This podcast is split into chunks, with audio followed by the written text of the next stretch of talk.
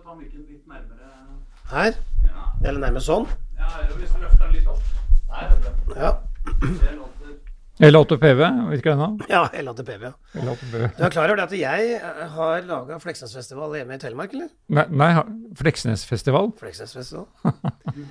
Men nå har det vært pan pandemi, så vi har måttet dessverre hatt den. Men vi hadde fire år på rad med Fleksnesfestival på Akerhaugen, der vi har eh, På et gammelt rocksamfunn som var veldig kult lokale. Det det er rocksamfunn ennå, for så vidt. Gammel stasjon. Akerhaugen stasjon, som de hadde gitt til rockeklubben. Og der har vi det sånn at jeg ber venner og kjente, og så kommer de, så er det en litt velkomst og sånn, og så sitter de som en kinosal, og så ser vi man har med seg eget rekke, da. Så, vi, så får vi popkorn. Og så ser vi to episoder med Fleksnes. Så er det en time med mingling og får pizza. Og så ser vi en episode til med Fleksnes. Og så rydder vi. Og så har vi livemusikk og fest. Så den er så populær at folk blir fornærma når de ikke blir invitert. Og Ruth, altså kona til Rolf Eselund, hun er jo da hva heter det? Hun er ikke fadder når du er dame, men hva heter det da? Altså når du er sånn dåps... jeg tror jeg faller der òg. Ja, det heter ja, det gjør vel det. Ja, ja. ja. Det er egentlig litt kvinnediskriminerende, kanskje? Ja, så- at ja. en kvinne heter fadder. Men samme det, men hun er det altså en av, en av deltakerne, så ja, Vi har vurdert faktisk å be Elsa Lystad, da.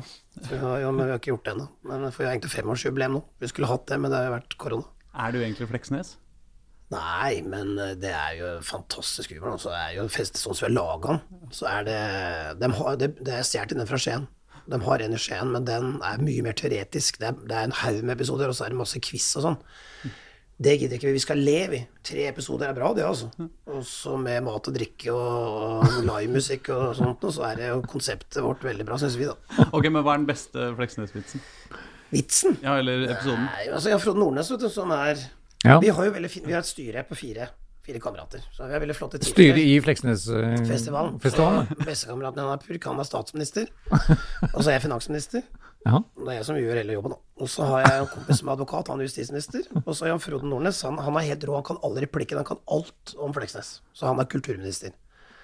Så han innleder alltid, le, eller starter eh, og ønsker velkommen, og så pleier han å si at den eneste regjeringen har sittet i, det er finansministeren bestemmer over statsministeren. Men, eh, for det er jeg som finansminister. Så jeg får juling der hvert år. Men det, han kan alt av replikker. ja. Så vi har to episoder som vi bestemmer i, i regjeringa, og så er det de andre som kan Så er det ønskereprisen av den tredje episoden er hva publikum ønsker. Ja, ok. Ja, så det er Det er veldig moro, det. Sannsynligvis verdens eneste Fleksnesfestival. Ja, det er nok det. Ja. Nå. Dag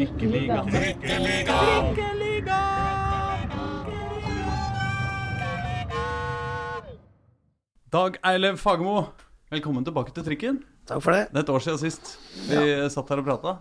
Har, har, hva, hva er eh, Hvilket øyeblikk husker du best fra 2021? Hvilke øyeblikk jeg husker best for 21, det er vanskelig. For det er vel eh, ikke så mange store øyeblikk når du blir nummer sju. Og det er jo det som er det som er utfordringen til Vålerenga, det, jo- det er jo ikke å bli nummer sju. Det er jo å være toppen, som vi var første året jeg var her. Men mm. eh, det var jo viktige øyeblikk som skjer i 21 i forhold til strategi og hvor vi skal osv. Så, videre. så jeg tror nok det at eh, det var en milepæl kanskje å selge til Premier League. Da. Og I hvert fall til en klubb som Leeds i tillegg. For meg som er Leeds-fan, så var det veldig gøy å selge Kristoffer Claesson til Leeds.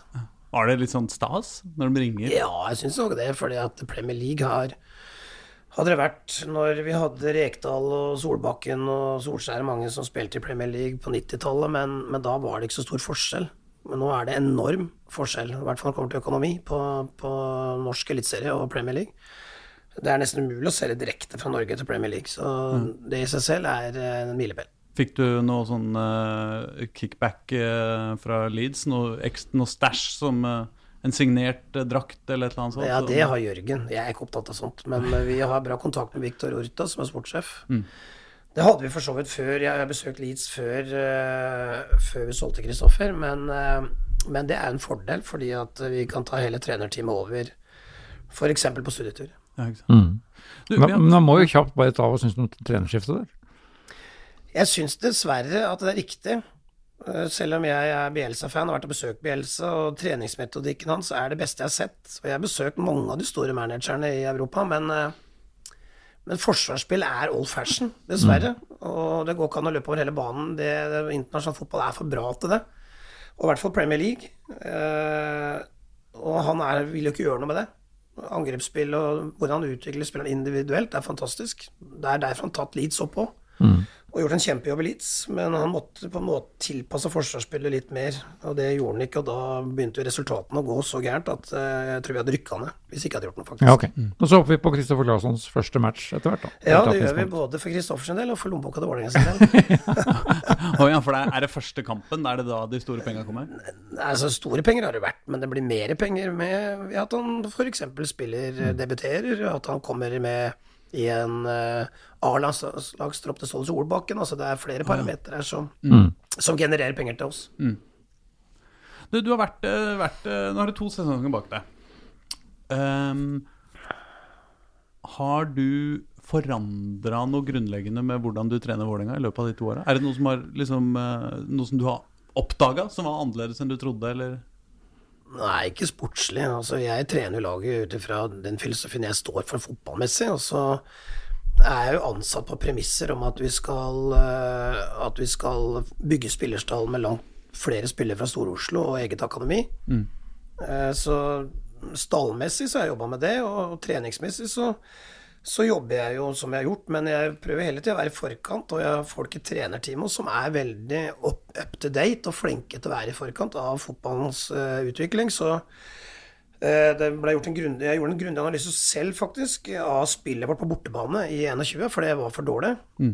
i forhold til at Vålerenga skal ha topplag, og finner jo da fem-seks punkter som er viktige for at vi skal eh, utvikle oss forhåpentligvis eh, denne sesongen her. Da. Og det, det gjør jo at treningen endrer seg litt, i tråd med spørsmålet ditt.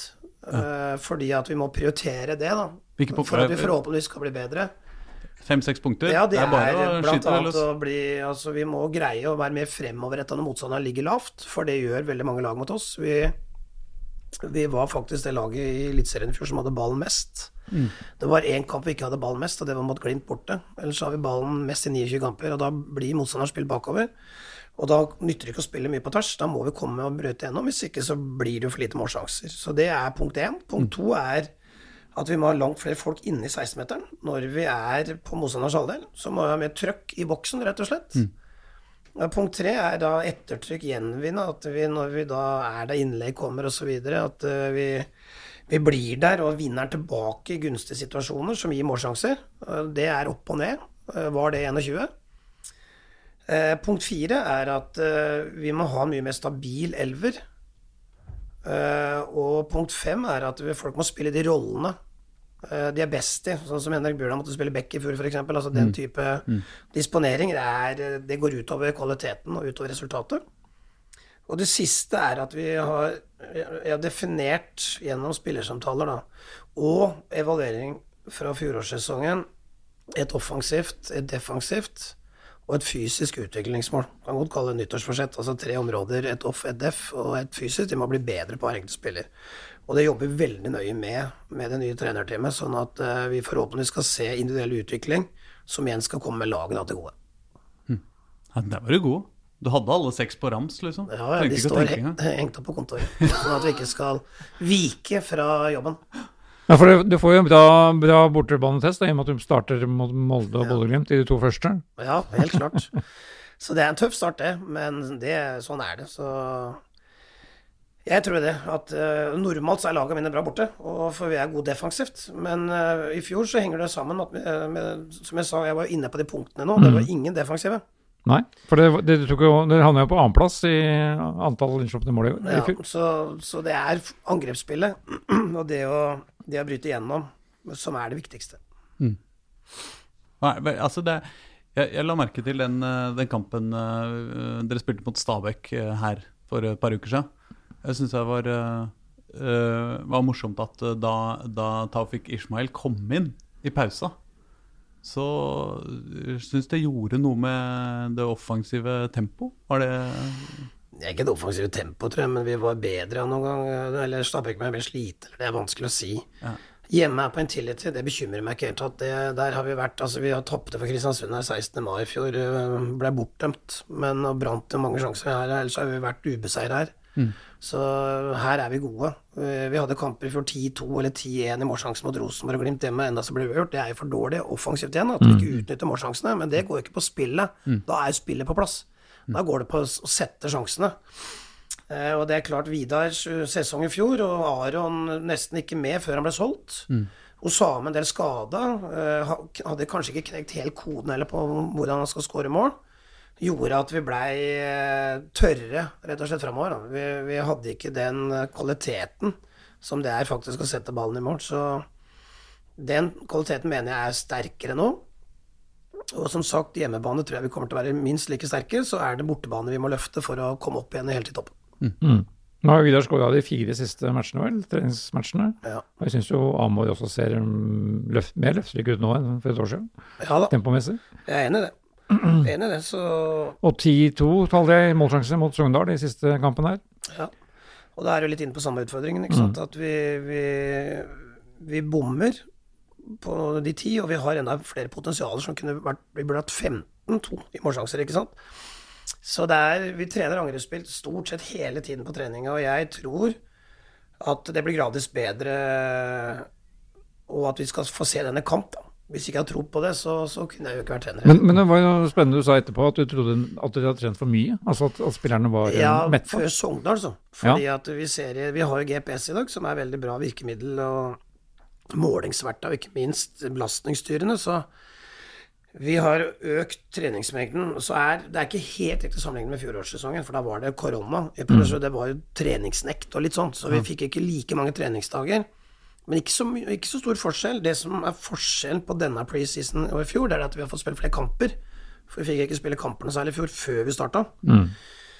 Men vi har over 70% mer sprintmeter, og det er mye. Og vi har, eh, så, vi, så vi har Det som er ganske belastende for muskulaturen, det har vi gjort mye mer i vinter enn vi gjorde i fjor. Og vi trente tøft i forrige uke inn mot kampen, og da var det, det Vi kan se det først og fremst på intensiteten i spillet og tekniske feil, og det var det mye av. Det sa jeg vel til deg på telefonen. Ja. Og det gjør at uh, det ble rotete. Derfor så har vi letta litt på trykket denne uka her. Både fordi at vi skal ha 90 minutter forhåpentligvis på mange, både mot HamKam og Skeid, og at vi ikke skal ha noen skader, selvfølgelig. Og fordi at vi forhåpentligvis skal ha litt mer eh, overskudd da, i de kampene. For det er viktige, viktige kamper for å bygge selvtillit og se at ting fungerer. Vi har fått flere Vi har fått en utrolig mye spørsmål eh, til deg eh, denne, denne uka. Du er en populær mann, viser det seg, ute, ute i Ja, verden. hvis spørsmålene er populære, så. Du fikk, du, fikk, du fikk ikke så mange på årsmøtet, det var, var det bare ett. Nei, jeg fikk ikke så mange der. Og Kanskje det var forklarende det jeg sa først. Kanskje det. Men Kristoffer 2605 på Twitter spør Hvorfor er treningene til VIF så korte? Ofte er de kun en time, inkludert oppvarming, og med ganske lange pauser i spillsekvensene. Er dette for å prøve å øke intensiteten, eller er det eventuelt en annen tanke bak det? Det spørsmålet er feil. Så det er ikke riktig. Verken, verken lengden eller og i hvert fall ikke pausene mellom kampene. Så hvem som har stilt det spørsmålet, det skulle nesten tro det var en fra Lillestrøm. Nei, det jeg veit ikke hvor postnummer 2605 er, men det er vel ikke Oslo, i hvert fall. Nei, det er langt unna. Men treningene til Vålerenga de begynner klokka halv ti cirka. Vi trener inne, og det er ikke så mange som forstår, da, men det er både prep, prep det som heter prep, det vil si at man jobber med å bli kvitt eh, avfallsstoffer i kroppen fra dagen før, eh, vondter osv., og, og så er det felles eh, styrke eh, fra kvart på ti-ti, litt individuelle programmer, der man jobber med forebygging, men òg eh, prestasjonsfremmende trening, helt fram til halv elleve. Og så har vi et møte, og så begynner vi å trene sånn ca. kvart på elleve eh, ute på banen. Da har vi allerede hatt i hvert fall tre kvarter trening inne. Og det er hver dag. Eh, og så går vi ut. Så treningsmessig så vet vi Vi kan sammenligne med Liverpool. Vi har dataen til Leeds, og, og treningsmessig så ligger vi veldig høyt. Men det er jo riktig at mine treninger er kortere med større intensitet enn lengre med lav intensitet. For fotball utvikler seg ikke på lav intensitet. Derfor så er det mye bedre å trene en time med, med veldig høy intensitet enn en og en halv time med lav intensitet. Bra. En som heter Henrik Underhaug spør Hvor involvert er du i jakta på ny sportssjef? Jeg er involvert i den. Jeg sitter jo i den arbeidsgruppa som jobber med det, sammen med Erik Espeseth og Tuva, som er styreleder i Vålerenga. Så det er vi tre som er arbeidsgruppa, så jeg er veldig involvert i det. Hva, hva, hva er det dere ser etter? da? Vi ser jo etter en som fyller stillingsinstruksen, da. først og fremst uh, som uh, er lyst ut. Eh, det er jo det som er viktig. Det er et ganske enkelt svar på det. Så er det jo ikke sikkert at du finner en person som nødvendigvis matcher hele, men er sterk på deler, da, og så kanskje ikke så sterk på andre. Det er jo sånn det er. Så må jo man vurdere hva som totalt sett blir best for Vålerenga. Var det nødvendig å utlyse stillingen, eller har- det liksom Det er et godt spørsmål, det. da. Det det er vel Det har vel vært en diskusjon om det, Ja. så det er jo en grunn til at det spørsmålet er bra. Eh, Men eh, noen mener det, og noen mener kanskje ikke det, da. Så det er jo ikke noe å legge skjul på det at uh, i- kandidatprosessen så vil det sikkert bli folk som blir headhunta òg, og som ikke nødvendigvis har søkt. Men det er veldig mange som søker. Veldig. Det er det, ja. Ja, Ok. veldig. Men det søker jo veldig mange som ikke er kvalifisert, og som er utlendinger, og det skal mye til at det, i hvert fall du henter Jeg sier ikke at det, det er feil å hente noen som kjenner Skandinavia osv., men å hente folk som ikke kjenner Skandinavia, det, det tror jeg ikke vi gjør. Men Jørgen er jo her ennå eh, en stund til. Men du sier at du eh, jobber litt også, som i, i den funksjonen nå? Jeg jobber ikke i sportssjeffunksjonen. Jørgen gjør den jobben sin, men jeg er jo med eh, og i den gruppe, arbeidsgruppa som skal legge fram eh, kandidater for eh, styret. Ja. Og det er jo jeg som er den sportslige uh, vurderinga i, i den troikaen som jobber med det her. Så skal jo de andre to kobles på, selvfølgelig, når vi skal til intervjuer og den, den type prosess. Det er naturlig at du har ganske stor innflytelse på hvem som skal være din nærmeste Så lenge Vålerenga er organisert sånn som de er, så. Det er jo det. Jeg fikk Ja. jo spørsmål om det på årsmøtet òg. Det, Ja. det er jo et organisatorisk spørsmål, egentlig. fordi at eh, er det all makt hovedtreneren? Det er mange som mener det. Mm. Og på en måte er det jo det. Eh, fordi at eh, jeg er jo ansatt av styrer i klubben. Eh, jeg er ikke underlagt eh, Erik Espeseth som er dagleder. Vi er jo sidestilt. Han er da økonomisk sjef og jobber i AS, mens jeg jobber i klubben og er den sportslige sjefen. Eh, Hvis du skal ha en sportssjef som skal inn over meg, så, så er hva skal de styre snart da? Det det, så det er et organisasjonsspørsmål, egentlig. Og det går jo Det er vanskelig å ha to sjefer mm. som skal ta et lag, eller som skal bestemme hvem spillere som skal inn. Det, det er du, sånn er det ingen steder. Sånn er fotballen. Sånn er egentlig alle organisasjoner. Det er én sjef. Så det er ikke så unaturlig, det. Eh, Men det er noen som kanskje mener at sportssjefen skulle vært over treneren. Det er veldig få steder det er det, men det er, det er jo sånn. Enkelte steder. Og noen tror at det skal ha kontinuiteten. Jeg er jo helt uenig i det. Det er jo styret som skal være kontinuiteten. Det er strategien til Vålerenga som skal være kontinuiteten. Og så må jo trenere, sportssjefer, daglig ledere, alle vi ansatte, vi må jo jobbe etter strategien. Hvis ikke så gjør vi noe feil. Og hvis ikke styret merker det, så gjør styret noe feil. Så egentlig ganske enkelt. Men det er kanskje vanskelig å gjennomføre det. Derfor slo meg litt på, på årsmøtet. Du var den eneste som nevnte medaljer eh, under hele møtets gang. Mens Vålerengas viktigste ambisjon med det er, er å være Norges beste utviklingsklubb, ble det vel definert som.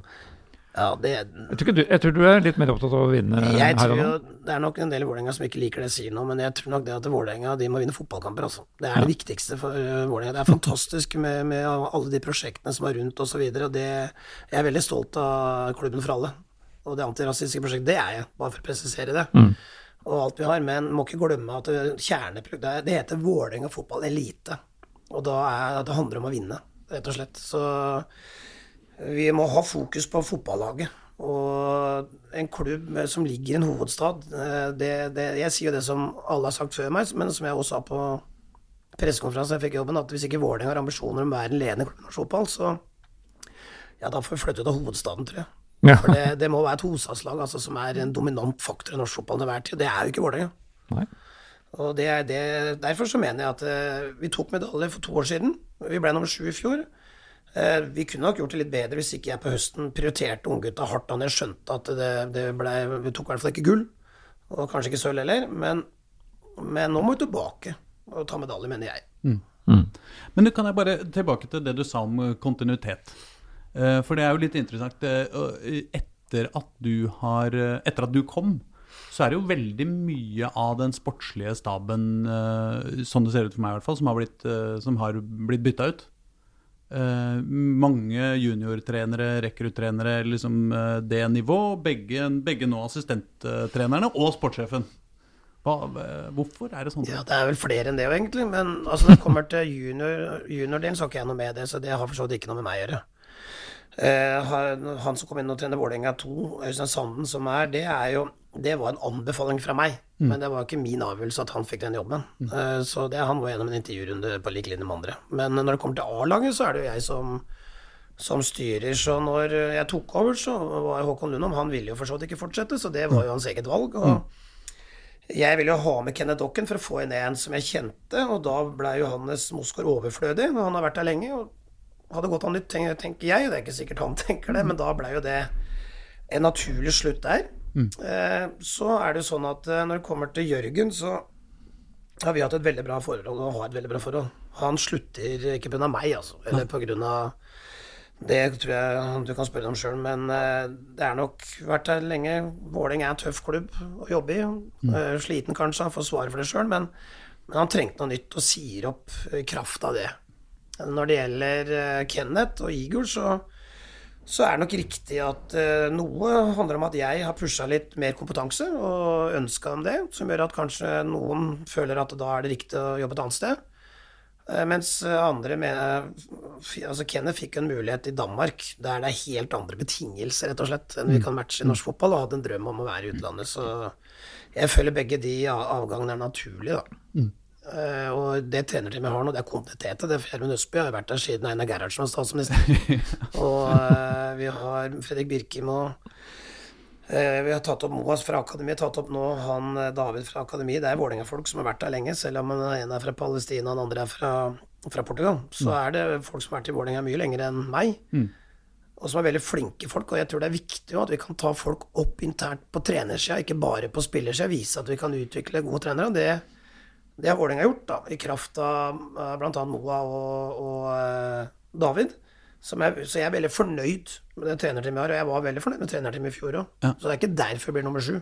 Så det er ingen som har bytta ut fordi at jeg ble nummer sju. Men jeg husker når vi snakka sammen i fjor på denne tida, så, så husker jeg spurte deg om Vålerenga hadde noe skyggelag. Om, hadde, om, dere hadde noe sånne de, de, dere skulle kjøpe hvis, hvis dere mista noe på hver plass. Og da sa du Jeg, jeg syntes det var veldig gøy. Da Da sa du ja, vi hadde, vi hadde en liste da jeg, De hadde en liste da jeg kom, men det var ingen spillere der Den var ræva, så den bare kasta jeg. ja, Sa jeg ræva òg? Jeg husker ikke om du sa ræva. Det er mulig jeg har pynta på historien. Men det er jo ikke noe Altså, de fleste trenere de tar med seg et helt team. Og når de får sparken, så ryker hele teamet, det er jo veldig vanlig. Mm. Jeg tok jo med ingen, egentlig. Men så tok jeg med Dokken til slutt, så det er ikke så unaturlig at det blir litt endringer når jeg blir kjent. Nå har jeg blitt kjent med Vålerenga mye mer. Mm og ser da hva slags kompetanse vi er gode på, hva vi eventuelt mangler. Jeg vil jo ha et komplementært team. Vi har et lite team, men likevel så vil jeg ha et komplementært team med, med, med sultne fagfolk mm. som er oppdatert på morgendagens grad. Hvordan, hvordan fordeler du jobben her, altså mellom deg og Trond Fredriksen og han David? Da? Altså, En vanlig dag tror jeg kanskje lettest å bruke som eksempel for å, for å, fortelle det. Så er vi jo på jobb åtte om morgenen, og så sitter vi da og prater og diskuterer. Og da er, det, da er vi involvert på lik linje, egentlig. Sånn fotballmessig så er jo både fysioterapeut og fysisk trener med i tillegg. Når vi begynner å planlegge og diskutere hvordan økta skal være, eh, osv. Så, videre. så de er med på lik linje som hovedtreneren der. Eh, når det kommer til dødballer, altså lagdiskusjoner og sånn, så, så, er de med og diskuterer. Men det er jo jeg som bestemmer til slutt hvis vi er uenige. Eh, på feltet så bruker jeg de veldig mye. Og tilbake til punkt seks, det her med utviklingsmåla, så, så har de veldig ansvar der. Eh, de er flinke begge to til å være på spillerne og gi mye tilbakemeldinger, og jeg stoler på de. Fordi jeg, jeg føler de er faglig sterke ut ifra det jeg kjenner dem til nå. Eh, når det kommer til mer helheten, så er det jeg som styrer det, og så bidrar de da mer inn mot enkeltspilleren. Eh, når det kommer til kamp, så har jo Trond ansvar for dødballer. Eh, selv om jeg på en måte blander meg borti det, så har han ansvaret. Mens David da har mer ansvaret for å sitte og se helhet oppe. Vi har en trener som sitter oppe, bevisst oppe på, med fugleperspektiv, for å ha bedre blikk da fra benken. Og I tillegg så har han analyse, sånn at han kan f.eks. gi meg et bilde til pause som er der vi har en stor utfordring som kommer og kommer igjen, som jeg kan vise spillerne pause raskt. At ser jeg, gutter, her har vi en utfordring, sånn og sånn må vi løse det. Eller noe som er veldig bra, som vi vil forsterke. At det fortsetter med det her, for da blir det mål til slutt. Da. Så sånn er på en måte arbeidsfordelingen. Mm. Ja, alle treningene tas opp? Alle treningene blir filma, ja. ja. Jeg har en masse kjappe spørsmål, eh, som nevnt. Um F.eks. Jørgen Hernholm spør hva var tanken bak å hente inn Albin Mørfeldt? Hva var det som gjorde at han ikke slo til?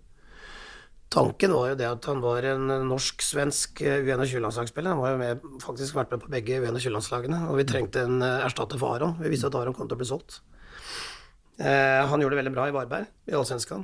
Og jeg var jo sånn sjøl, jeg har sett den på landslagssamling og så videre, så Albin har veldig mye eh, i seg som skulle gjøre at han burde lykkes her som høyrekant i vårt system. Men det greide vi ikke. Mm. Og det, det er jo ikke alt jeg kan si uh, offentlig. ikke sant? Det er noe mm. som heter personalpolitikk òg. Mm. Så det går nok mer på ting utafor banen enn på banen, mm. som gjør at ikke vi ikke fikk til Albin. Så får vi håpe det, at Albin får det til i Sverige, for jeg tror at uh, Albin kan nå langt hvis han får orden på ting, da. Men uh, det går ikke på det fotballmessige der. Um, Arne Skau Knutsen spør Planlegger dere noen markering når Eliteserien starter mot russernes krig i Ukraina? Det er ikke mitt bord. Men uh, det kan nok godt hende at vi gjør. Det, det vet jeg ikke rett og slett er ikke involvert i det. Er, mm. Det er nok ledelsen i klubben som, som jobber med det arrangement. Mm. Jeg vet ikke hva slags regler det er osv. heller, så det er nok et spørsmål til Anita Aleksandersen. Ja. Men er du gira på sånt? Altså jeg er, Generelt så er jeg ikke noe glad i at eh, politikk blander seg med idretten. Men, eh, men jeg forstår det at eh, idretten er viktig. Og at en så stor tragedie som det som skjer i Ukraina, at man tar avstand fra det, det syns jeg er viktig. Mm. Det blir sikkert et NFF-regissert opplegg, tenker jeg. Ja, og da er det mye lettere òg, for da er alle bak det. Og det, det er jo alle, det, ja. det, er jo ingen tvil om. Men, eh, men eh, jeg syns det er flott at vi kan markere. Det samme er jo Vålerenga er jo flinke her. Til det antirasistiske osv. Og, så og eh, ja, seksuell legning og de tingene der, så er jo Vålerenga veldig flinke.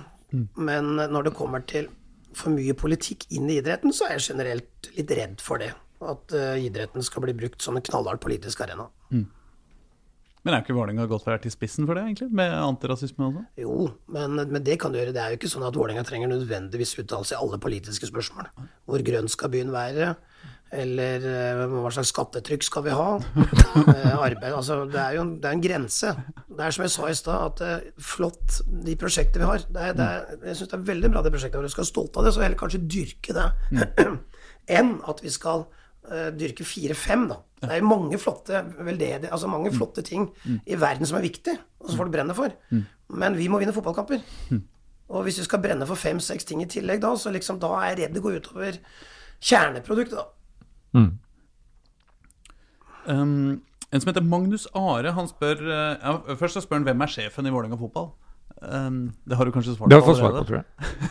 Sjefen, hva mener du med sjefen i Vålerenga fotball? Det er jo en eier, og så er det et styre, eier som eier et AS i Toril og Trøim, og så er det jo et eh, klubbstyre der Tuve er leder, og så er jo Erik Estvedt daglig leder i AS, og så er jeg da hovedtrener i klubben. Jeg tolker spørsmålet som hvem er det egentlig som bestemmer hvis dere er uenige om ting? Ja, når det kommer til fotballmessig, så er det meg. Men det hjelper ikke hvis jeg sier at du trenger ti millioner mer, og så er ikke penga der. Nei. Så økonomi bestemmer jeg ikke. Men Magnus har et uh, mer konkret spørsmål. Uh, eller hva skal jeg si Hva slags rolle får Mathias Emilsen på A-laget i år? Skal han satses på når, når Holm blir solgt? ja, det skal han. Det er planen. Det er derfor han er i avstand. Så alle de som er i avstand nå, skal satses på. Mm. Så er det jo ikke sånn uh, erfaringsmessig. nå har vi den Vi hadde det yngste laget i Eliteserien i fjor. Mm. Og det er jo sånn erfaringsmessig at det er ikke alle nødvendigvis som slår igjennom når du har så mange unggutter. Jeg tror vi har 12 eller 14 nå. Eh, egenutvikla og junior i avstand. Det er veldig, veldig mange. Og da er det ikke sikkert at alle slår igjen med Vålerenga. Det kan hende noen må på lån, eller noen til og med som Albin, eh, eller andre må bli solgt. Nå ble ikke Albin solgt, da, men, eh, men eh, Mathias Emelsen er jo i den gruppa som skal prioriteres for å komme opp og bli en ny Osame, da, eller en ny Christian Borchgrevink osv. Men Derfor er det viktig for oss å beholde Vålerenga 2 i andredivisjon. Det er det jeg ikke Eller jeg skjønner at Bodø-Glimt, Rosenborg og Molde driter i annetlaget. For det er utfordringer med annetlaget i andredivisjon. Det krever Altså, det krever Det er tøft for spillerne. Fordi at uh, de skal da sitte på benken på søndag, skal du spille andredivisjon mandag. Mm. Og når du spiller andredivisjon mandag, så kan du egentlig ikke trene ordentlig før torsdag. Og det gjør at A-laget får trent for dårlig onsdag. Sånn at treningsukene til A-laget blir dårligere fordi at man må vente på de som har spilt annen kamp, for de må restituere. Og, du, uh, og ja, så dette her kan jeg, for dette jeg gjort i mange år med Oddo. Uh, så det er bakdelen. Hvis du bare kan konsentrere deg om elveren og, og ha over 20 mål på trenkvalitet hver dag, så blir jo det bedre.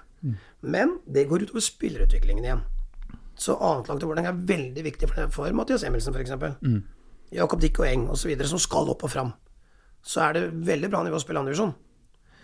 Uh, for at vi skal greie begge deler, og i tillegg ha bra treningshverdag. Det hadde vi første året mitt, for da hadde Vålerenga så svær stall. Da klagde jeg på at stallen var for svær. Mm. så det ble et paradoks. og nå klager jeg på at den er for liten. Men nå har vi bygd den litt opp igjen, da. Så hvis vi har en sterk stall, så mener jeg vi skal greie både A-laget, annetlaget og prioritere høyt nivå på trening og spilleutvikling. Men det er ganske mange ting å spise over, da. Mm. Det er mange utenfra som ikke kjenner Mathias Emilsen, men han er jo da nå han er på G19-landslaget sammen med Sidi Jatta og uh, han, uh, Odin, Odin, ja. ja. Så de skal jo på samling nå i, i neste uke. Ja. Og den ble jo da smala ned pga. krigen i Ukraina, for Ukraina skulle vært med. Ja. Så da møter de Skeid i stedet. Ja. Ja, ja. Hvorfor ikke? Um, hva er det, det, er et spørsmål fra Magnus Borgen. Han spør hva er det med Vålerenga anno 2022 som gir berettiga håp om at det blir mer moro å gå på kamp i år?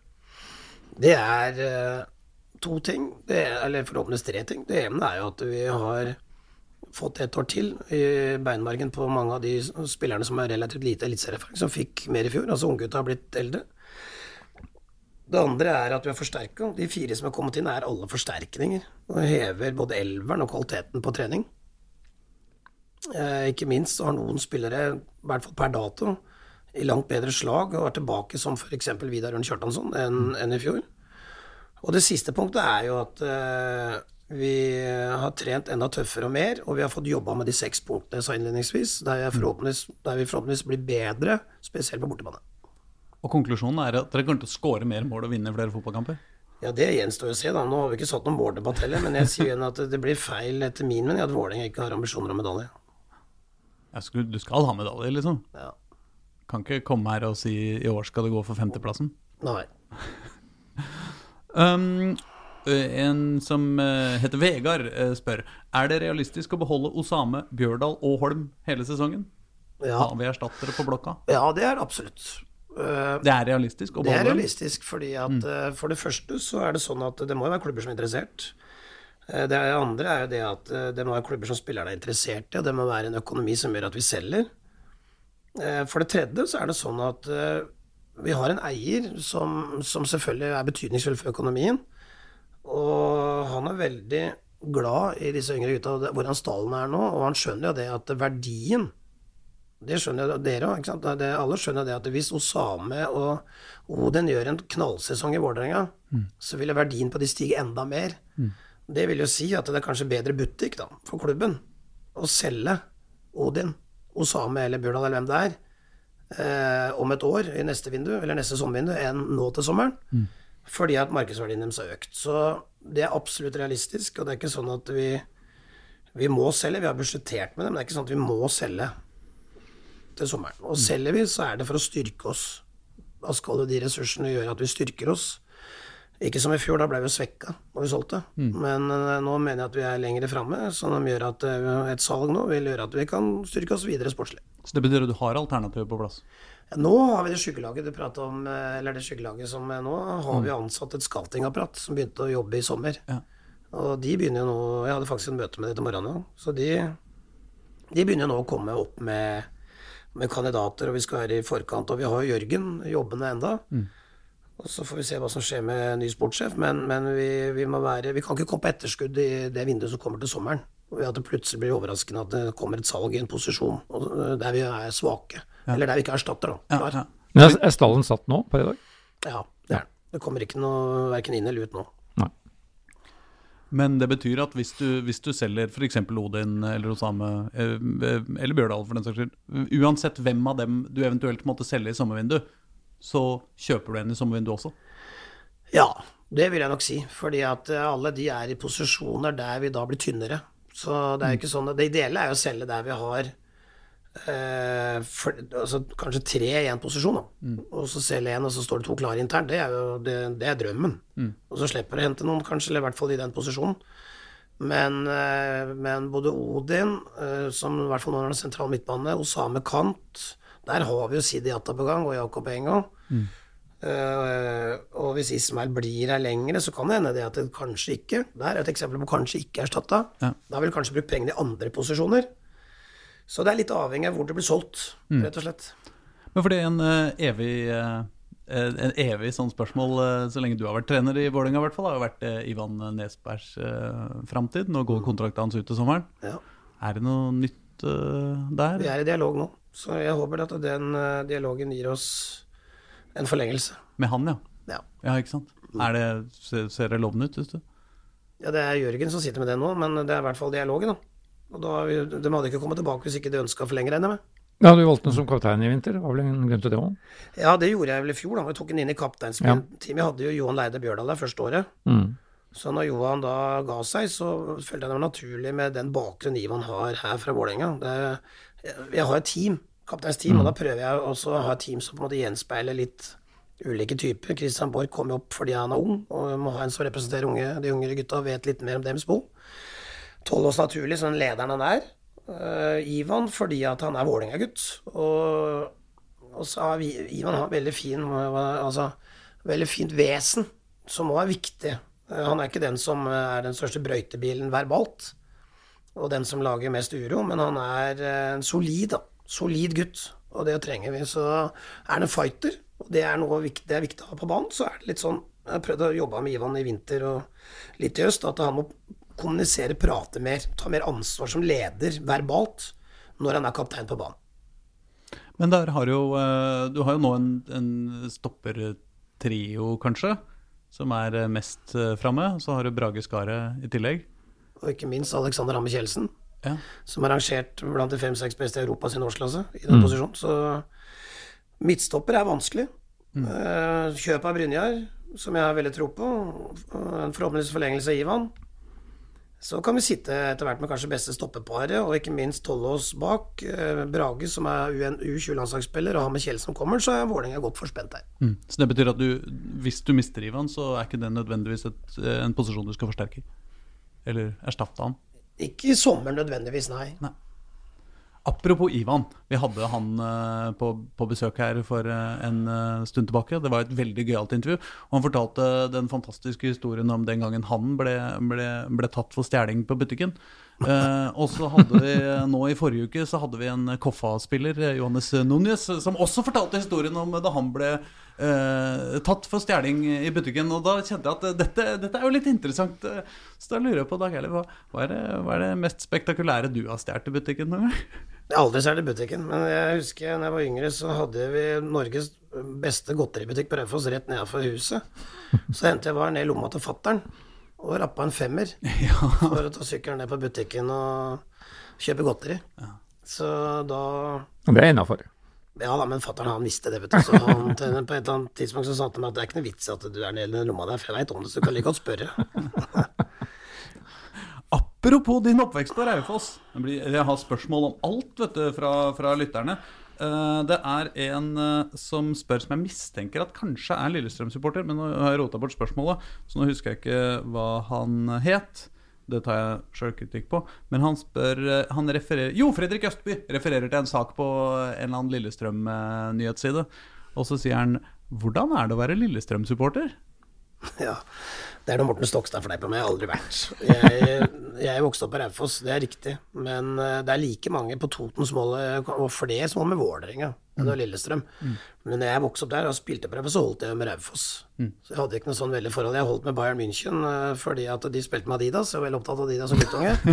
Og match, alle matchballer i VM og VM var jo Adidas. Er det derfor du har fått eh, Adidas Ja, ja, det, det på. Vålerenga nå? Og så holdt jeg med Leeds, selvfølgelig. Men, eh, men eh, det eneste jeg husker som var moro på Raufoss i forhold til Vålerenga og Lillestrøm, var jo det at eh, Raufoss hadde jo veldig mange Det husker kanskje Reidar. Men Raufoss hadde jo en lagoppstilling i gamle dager med ganske mange spesielle navn. Harry Karlsen. Og Vålerenga, Harry Karlsen, og Vålerenga de kjørte opp en supporterbuss. Bare for å høre på lagoppstillingen i Draufoss. For da var det Kai Breiskallbakken i mål, så var det Henning Gjesterumsbakken som venstrebekk, så var det Ola Villåsen, Dag Oppgjørsmoen Ja, ja. osv. Så, videre. så når de var ferdige, de lo seg i hjel, uh, Vålerenga-supporterne, når, når lagoppstillinga ble lest opp. Og når den var ferdig, så tok de bussen og kjørte hjem. De så ikke kampen, men de fikk lagavstillingen. Dette var klassiske navn, ja. Dag Oppgjørsmoen. Stein Kolshaugen. Ja, Stein Kolshaugen, ja. Stemmer. Ja, Men uh, Raufoss har alltid vært en slags sånn farmerklubb for Vålerenga. Litt sånn, uh, føler at det området har vært litt sånn så Det er jo faktisk en av. Ikke Raufoss, men Vind, da, som ligger rett ved Raufoss, som er Gjøvik egentlig, er jo en samarbeidsklubb til Vålerenga. Mm. Og det er jo sånn eh, Jeg har jo fortsatt kamerater siden jeg vokste opp på Toten, som forteller det at når vi har kamper, så henger Vålerenga-flagget oppe, om det er på Eina, eller om det er på Reinsvoll, eller på veien innover mot uh, Oslo, da. Men hvordan- Bare kort, hvordan ble man gira på Adidas når man er guttunge? Ballen. Ballen? Matchballen som var i EM og VM. Det var alltid alltid Adidas som hadde den, vet du. Ja, ja. Og det var de beste ballene, så da var det liksom guttunge å få den, få, få lov å få kjøpe en sånn ball. Og da ble det Adidas. Så VM74 var matchball, det var Adidas antagelig. Ja. Ja. ja, ok. Det har det vært i mange mesterskap. Ja, det har det. Det har er vel enda. Jeg tror ikke, jeg kan ikke huske at det har vært noen Adidas. Men, Det kan stemme. men det kan hende bli tatt på det av noen historikere. Dette, dette føler jeg meg trygg på at det kommer til å bli. Se, Lytterne er på jobb. Ja. Lovdisk spør uh, Fortell om hendelsen med Berisha forrige sesong. Berisha. Ja, det var uh, en uh, vikingkamp hvor, han, uh, hvor du Ja, kalte han for jævla var- gris. Og så skåra han to mål etterpå. Ja, men det ene er jo da sju meter offside. Og det andre var jo en forferdelig takling på Var det Kristoffer Glasson, tror du? Husker jeg, jeg tror det var Kristoffer. Men eh, det er riktig, det kan nok hende at det, er jo Du kan jo ikke holde på med det hvis du ikke er passion. Så at jeg Gardina gikk ned, jeg hadde temperament på sidelinja. Men jeg har tjent vet under mange år, jeg, så jeg gikk bort til på pressekonferansen etterpå og tok rundt den. Og da lo når jeg fleipa litt med det grisuttrykket. Altså, det er jo ikke, han er jo ikke noe gri. Altså, han, gris i en forstand annet enn at det er taklingen som jeg er. Jeg er jo redd for min egen spiller. Det er det det, det, er det, det går på. Men vi skal være på om det. Vi har- lo godt av det etterpå. Var det det verste som ble slengt til eller fra trenerbenken i 2021, tror du? Nei, det vet jeg ikke. Trenerbenken, det husker jeg ikke. Det er jeg ikke så opptatt av. Det er, du må leve i nuet når du står på sidelinja. Det er fokus på ditt eget lag og kampen, og vinne kampen. Men at uh, jeg er jo ikke en trener som sitter på ræva hele kampen og ikke sier noe. Jeg er engasjert, og da kan det jo komme gloser som ikke burde kommet. Det er jo For som Nils, Nils Arne Eggen sa, at når du prater så mye som meg, så er du nødt til å si noe dumt. Det er jo den eneste dårlige sida med at uh, korona enn så lenge er uh, uh, litt over, er jo at vi ikke får like At det ikke blir like lett å høre deg fra da. Men uh, det blir kanskje greit. Tor for Ola Trøim kaller meg for Dega med Simone. Vet. Han mener at de roper og skriker og fekter og løper på sidelinja som Simone omtrent. Nei, ja, det, det kan vel leve med den sammenligningen, ja, ja, resultatmessig skulle jeg gjerne gjort det. Nei, men det, det blir kanskje litt moro med noe litt mer publikum eh, tilbake likevel. Ja, ja, klart er det. Og jeg tror det er en st st veldig stor fordel for oss her hjemme. Når kamper som, er, som vi ikke greier kanskje å score da, men sånn, I fjor som vi hadde, var det sju uavgjort, eller vi hadde mange uavgjort hjemme. Sju år til, stemmer. Ja, ja. Så tror jeg vi vipper noen av de altså, med trøkk i ryggen og, og så videre, for det gir spillerne boost. De blir ikke for nervøse nå som det har vært så lang tid med lite. Nei, det tror jeg ikke. Det er, vi, sier, altså, vi holder på med det morsomste vi veit. Hvis ikke vi skal ha publikum, hva skal gjøre da? Det er, jo, det er jo underholdningsbransjen. Da må du ha publikum. Du står ikke på Chat Noir eller spiller uten publikum. Det er vel ikke gøy.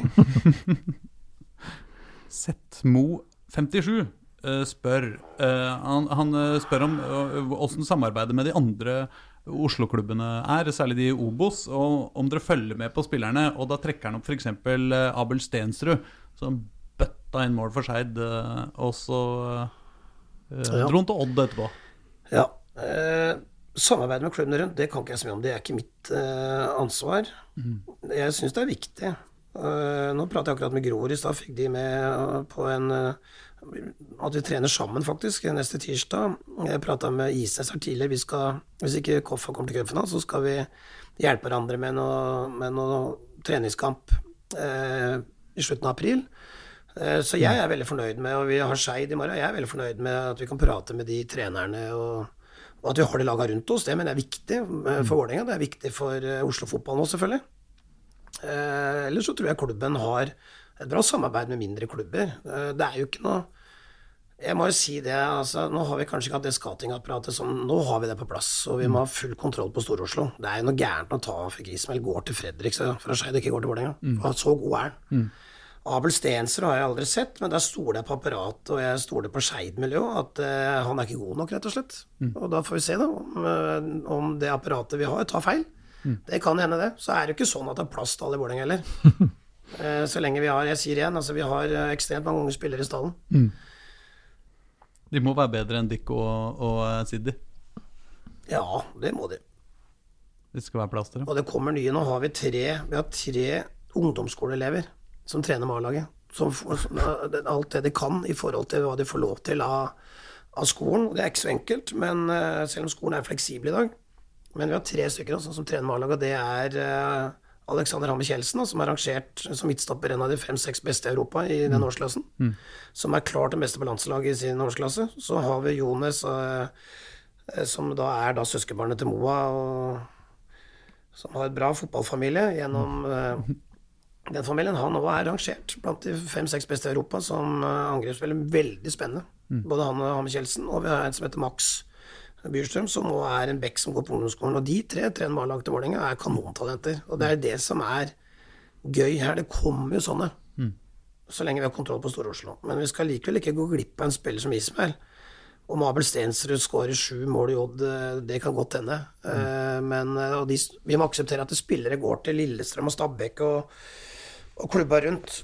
Vi skal ha de råeste, vi. De mm. som drar Vålerenga til toppen i norsk fotball, og i tillegg som har stort salgspotensial. Mm. Og det er mange talenter rett under der, men da må vi jo akseptere at de går til klubber rundt.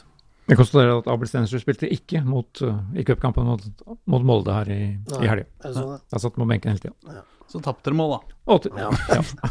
uh, Glenn Mathisen spør forresten uh, Vurderer dere å beholde Ishmael hele sesongen? Altså, vi, vi, hadde jo muligheten til det, men uh, da hadde vi ikke økonomi til det. Så får vi se. Og dere ble spurt om dere ville låne ja, et helt ja, år eller et halvt? Ja. Hele sesongen var òg et alternativ, men da hadde vi ikke økonomi til det. Det var for dyrt. Så får vi se nå, hvis han gjør det veldig bra, og hva klubben der nede bestemmer. Jeg tror nok Ismail Ismael er interessert i det, for han skjønner at uh, Eliteserien er fortsatt et bra steg for han. Mm. Så den dialogen blir sikkert tatt opp når vi kommer nærmere den datoen den dealen går ut. Ja. Men det er, ikke, det er ikke av bordet, liksom? Det er ikke umulig at han blir, umulig, nei. blir lengre? Jeg tror ikke det er umulig. Jeg kan ikke svare sikkert på det, men jeg tror ikke det. Nei. Mange lurer på bruken eh, Nå må jeg bryte litt lista di. Ja, bryt, bryt så mye du kan. For rein sportslig spørsmål, det er mange som er opptatt av Osame, da, selvfølgelig. Ja. Og, og, det at han nå har blitt eh, fast venstrekant. Er, vært, hvor fristende det har vært å utvikle den som eh, sentral midtbane, og nærmest en Martin Ødegaard-kopi i, i VIF? Ja, Da måtte han spilt indreløper, da, i så fall. Ja. Men uh, han er veldig opptatt av å spille venstrekant sjøl. Uh, eh, når vi går gjennom alle de kampene han har spilt uh, etter jeg kom, så er det der han har vært klart best. Vidar er veldig opptatt av hos han på venstrekant, for de har en veldig god link. Mm. Så Osame ser nok ikke for seg å være midtbanespiller, ikke, ikke indreløperrolle. Hvis vi hadde spilt med en hengespiss à la Martin Ødegaard for Arsenal i går, ja, ja. så er jeg enig at det er en god posisjon for Osame, men sånn spiller jo ikke vi. Det systemet har jo ikke jeg. Så i vårt system så er nok eh, kant og venstrekant best. Han blir litt mer borte på høyrekant. Han må være mye med i spillet, for han er så kreativ og skapende. Mm. Men hvorfor brukte du så lang tid på å flytte Amor eh, over, til, over på høyrekanten? Det var jo fordi at eh, Amar var den kanten som kom til flest sjanser. Mm. Og så hadde Amar hatt eh, Han har en del stangutfører. Hadde han skåret fem år til, så hadde han vært den kant som skåra mest. Og da hadde ingen spurt stilt det spørsmålet. Mm. Så det er noe med tilbake til at i fjor skapte vi nok vi til å ha hatt langt flere poeng. Men vi greide ikke å få ballen. Vi skyter stang ut istedenfor stangen. Og det, det er en kvalitet, det. Men så er det jo også sånn at Osama hadde en opp- og ned-sesong. Osama heller ikke Osama knekker koden på målpoeng hvis han skal bli solgt, som vi snakka om i stad, for det er mange som tror at han kan bli det. Det kan han, for han har et internasjonalt potensial. Mm. Men da er steget å skåre mål. Og for å skåre mål Når jeg kom, så kunne jeg jo ikke skyte. Så jeg sa til ham at du som er så mye på løkka, nå begynner å skyte. Står, og skyte og skyte, og det er han blitt god til. Mm. Så har neste steg vært at når han kommer inn i 16-meteren, så lukker han øya litt og brenner til, og han blir litt for stressa, da. Litt for hissig på grøten. Og det har vi jobba med veldig mye i høst og i vinter, og der har han blitt tatt store steg. Så nå har han jo skåra i flere treningskamper. Han har fått, fått mye mer ro inn i 16-meteren. Et vanvittig skudd. Og da eh, begynner Osame å bli, levere målpoeng eh, mm. direkte gjennom egne skåringer. Og, og, assist er han jo bra på. Og da er det, det fortsetter han med det, så, så vil han bli tett salgsobjekt. Ja, han starta da mot Harmstad, det var vel litt første treningskampen i Marbella. Nei, i Portugal, med det. Ja, skåra mot uh, Brøndby òg. Ja, og skåret mot Stabæk. Og hadde målgivende til Vidar mot uh, Midtjylland. Ja. Så han har jo vært involvert i mål nesten hver kamp, han òg. Ja. Så det er gledelig. Men, eh, men Amor, Amor, til høyre, er det på en måte en, en løsning som Det er litt tilbake til det med, med for lite scora mål. Så er det sånn at fordelen med å ha innoverkanter, da, altså at en venstrefot har spilt på høyre og en høyrefot på venstre, er jo det at de de blir jo mer farlige sjøl gjennom skudd, først og fremst, å komme inn i boks. Så får de godfoten innover. Mm. Og så er det sånn at vi fører jo de fleste kampene, som jeg sa i stad. Og da vil bekkene komme mer til innlegg enn vingene, egentlig. Og det er ikke så farlig om uh, kanten er feilbeint, da, hvis du kan bruke det uttrykket. Mm. Fordi at det blir mer uh, Hedenstad, Sota, Borch osv. som kommer til innlegg. Ja. Men hva, hva, er forskjellen på det fra i år, uh, i år fra i fjor? Det er ikke noe forskjell. Faren spilte jo på høyresida med venstrefot. Ja, i første halvdel. Så Laioni er jo i praksis da samme spilleren. De er ikke samme spillertypene, men Aron er jo venstrebeint, og det er jo Amoro. Mm. Um, vi har fått noen veldig uh, passiv-aggressive spørsmål fra en uh, Twitter-konto som kaller seg Hele Norges Glimt. De spør er det deprimerende å være så langt unna nivået til Glimt. Nei, det syns jeg ikke. Jeg tenker ikke at uh, vi er så langt unna heller. Det er sånn at uh, Jeg må jo trene Vålerenga ut ifra de premissene jeg ble ansatt på. Det var å bygge om stallen. Det har vi gjort. Mm. Vi har brukt veldig mye penger på infrastruktur, sånn at nå har vi fantastiske treningsfasiliteter. Uh, nå har vi henta mer etablerte spillere når vi har forsterka laget. Mm. Så nå har vi en bedre miks. Vi har fortsatt lite spillere i alderen 25-30 år. Men likevel, den er bedre enn i fjor. Så stallen begynner å bli bygd, mener jeg, riktig både for salg, som er viktig for klubbens økonomi, og ikke minst for prestasjon, og det er å utfordre Glimt. Mm. Hvor, går det an å si noe om hvor lang den avstanden er? på en måte? Nei, det tror jeg ikke. Altså, det, det, er helt umulig å si hva de gjør før, før overgangen. Altså, det er jo Overgangsvinduet er ikke stengt ennå. Både Glimt og Molde har penger til å kjøpe en av de hvis de vil. Mm. Men per dato så mener jeg det at uh, toppen i Eliteserien er jevn. Det er ikke noe lag som er sånn veldig mye bedre enn de andre nå, tror jeg. Mm. At, at, vi er omtrent like gode som dem ja, i spiller Det tror jeg. Eller dere, Vi, får, altså, vi er jo litt avhengig av i enkelte posisjoner enda at vi har litt uh, flyt i forhold til skader. Men uh, hvis vi har det, så mener jeg at vi er på At vi kan konkurrere At det er ingen lag da, som er klart bedre enn de andre. Mm. De hadde vel trøbbel på de i fjor, dem òg, som alle andre? Ja, ja, så har du mista en del spillere. Så vi får se. Det er annerledes når serien begynner. Så mm. jeg tror det at, vi, at det er jevnere år. Det er ikke lett å, å, vite hvem som er det klart beste laget. Er, jeg tror ikke det er noe klart beste lag da, mm. i Eliteserien per dato. Mm. Så hvis du skal spå hvem som blir eh, mester i år, liksom? Ja, så er det vanskelig. Ja. Vanskelig å vite hvordan er Rosenborg hen. Eh, hva skjer med Viking etter at Bell ble borte, som var veldig god, i tillegg til at Veton greier å score. Altså når du har en spiss, som det ser på Lillestrøm, har en spiss som skårer over 20 mål, da er du med på tabellen. Mm. Greier de det et år til? Det er ikke sikkert det. Eh, så er spørsmålet Molde har mista mye. Eh, Glimt har mista mye. Så er spørsmålet da hvordan hva de har greid å hente inn, og hvordan det setter seg. Så er det samme med oss. Vi ble nummer sju. Samtidig så er vi ikke så langt unna, i kraft at uh, vi var det laget som slapp inn nest færrest mål. Og vi, vi har Vi hadde mange kamper der vi var bedre motstandere, men vi greier ikke å skåre mål. Mm. Det er tross alt bedre det enn hvis det hadde vært jevnere matcher. Så vi er ikke så langt unna hvis vi begynner å få uttelling igjen. Det blir vår jobb da å legge sette opp tabelltipset, som alle i vår bransje ja, ja. er nødt til. Ja. Vi, er, vi er ikke i nærheten av å lande ennå. Nei, det skjønner jeg, for det er, det er litt for at overgangssynet er ikke stengt heller. Så Nei. noen kan jo forsterke seg enda, de, vet du. Mm. Men du kan jo aldri gå helt feil med å tippe Vålerenga på sjuendeplass. Sjuendeplass? Mm. Nei, det er, jeg syns jo det er en trist sang når man hører supporterne synge om sjuendeplass. det er ikke noe humor engang for meg, for det Vålerenga skal ikke ha noen sjuendeplasser. Men det, det, må være lov å være litt galgenhumoristisk også iblant? Synes Nei, for at du skal ha stolthet og ærgjerrighet. Så det er ikke noe galgenhumor for meg. Er, vi må opp Vi må opp i toppen. Så jeg tror det som er viktig for Vålerenga, det er å vite at det bor ca. 300 000 mennesker altså på øst som sogner til Vålerenga. Mm. Det er mange mennesker. Mm. Og det holder, det. Istedenfor at vi driver kampanjer eh, på Oslo vest for å få folk på kamp. Det er ikke noe vits. Vi må, folk, vi må holde på med Oslo øst, vi. Mm få Oslo øst-folk til å komme på kamp. Det er jo det var en dame som sa til meg uh, i Frognerparken at uh, Fagermo er det dem. Mannen min han er riktignok borte, men han holdt med Lyn, og dere oppe på øst er noen rasshull. Så det er jo litt morsomt, syns jeg, da, at det er litt vest mot øst. Og det er jo sånn fotball skal være litt. Og da tror jeg Jeg snakka faktisk med Raymond Johansen om det. At uh, vi må jobbe hardt i Oslo øst-området og få østfolk. Det er mange som bor andre steder enn øst, og som er mm. Vålerenga-fans. Men, men, vi må rekruttere fansa våre. Tribunen her må vi fylle fra øst, altså. Mm. Vi trenger ny Oslo-rival, og da høres det ut fra det du sier at uh, ideelt hadde vært å få til igjen. ja. Men det tar en stund? Det kan nok hende det. De satser jo veldig nå, da. Ja da. Du kjenner Men, vel treneren der også? Ja, da kjenner jeg han halve godt. Jeg, og kjenner jo Tor Ole som er sportssjef og sånt, så ja. det, de eh, satser jo. Men jeg tror nok det at hvis du spør fansen vår, så, så vil nok de gjerne ha Lyn tilbake for å få det oppgjøret. Du så jo det litt i første runde i cupen òg. Ja, ja. hvis du må velge mellom eh, Skeid, Koffa og Grorud, da? Ja, det, jeg kjenner altså Grorud og Koffa det, de har vel for liten fotballhistorie. Skeid har en fotballhistorie som er i hvert fall sterkere for meg som begynner å bli voksen. Mm. Det kanskje, betyr kanskje ikke så mye lenger for den yngre garde, men uh, hvor forutsetningene ligger best det er vanskelig å si. Jeg vil jo tro det er, Skeid, men det er fordi at Skeid har en historie som er langt sterkere enn de to andre. Mm. Så, så er det ikke sikkert det er riktig. Som tre trenere som alle har fortid her? Ja.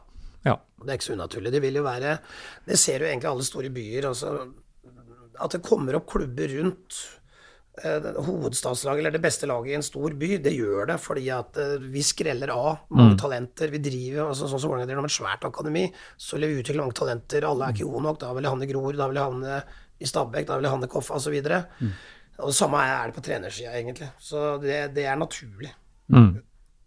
At det drypper da på klubba rundt. Ja, da har jeg et uh, fælt spørsmål til. Uh, fra Radulovic Pjotr uh, på Twitter. Hvorfor er du så sur? Når da? Det, det, er ikke spesifisert mer. Jeg tror du må tolke det som du vil. Ja, nei, det tror jeg Det er jeg helt uenig i. For jeg er en person som er opptatt av positive mennesker. Det er jo punkt nummer to i min ledelsesfilosofi, så jeg, er veldig glad å bli. Men jeg er sinna, og det er mye bedre å være sinna enn sur. Mm. Surfolk har jeg ikke noe tro på, for da drar de med seg problemet over tid. Og da kommer de ikke videre. Men å være sinna, vise følelser og ikke akseptere ting, det er bra. Mm. Det viser passion. Men så må du komme deg videre i livet, og da må du bli glad igjen.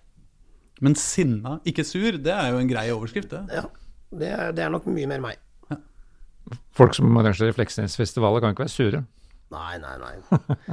Nei, Fleksnes kunne være litt sur, vet du. Ja, kanskje. være sur. Kom mot der nå. du greide ikke å være sur når du så på han. Nei, men han er morsom selv om han er sur, han. Ja, Nei, sure mennesker, dessverre. det Negative mennesker og sure mennesker de skaper energi, de, men den energien blir ikke bedre. Så positive mennesker de, de skaper et arbeidsmiljø og et, et, et, miljø du har lyst til å være en del av. Og da har jeg mer litt tro på utvikling og at du får til ting.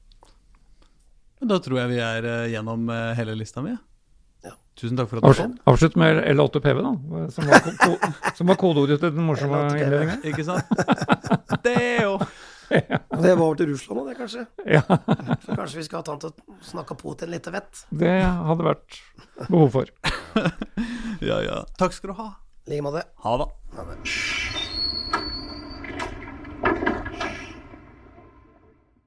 Du har hørt en podkast fra Dagsavisen. Ansvarlig redaktør heter Andreas Heen Haaland Karlsen.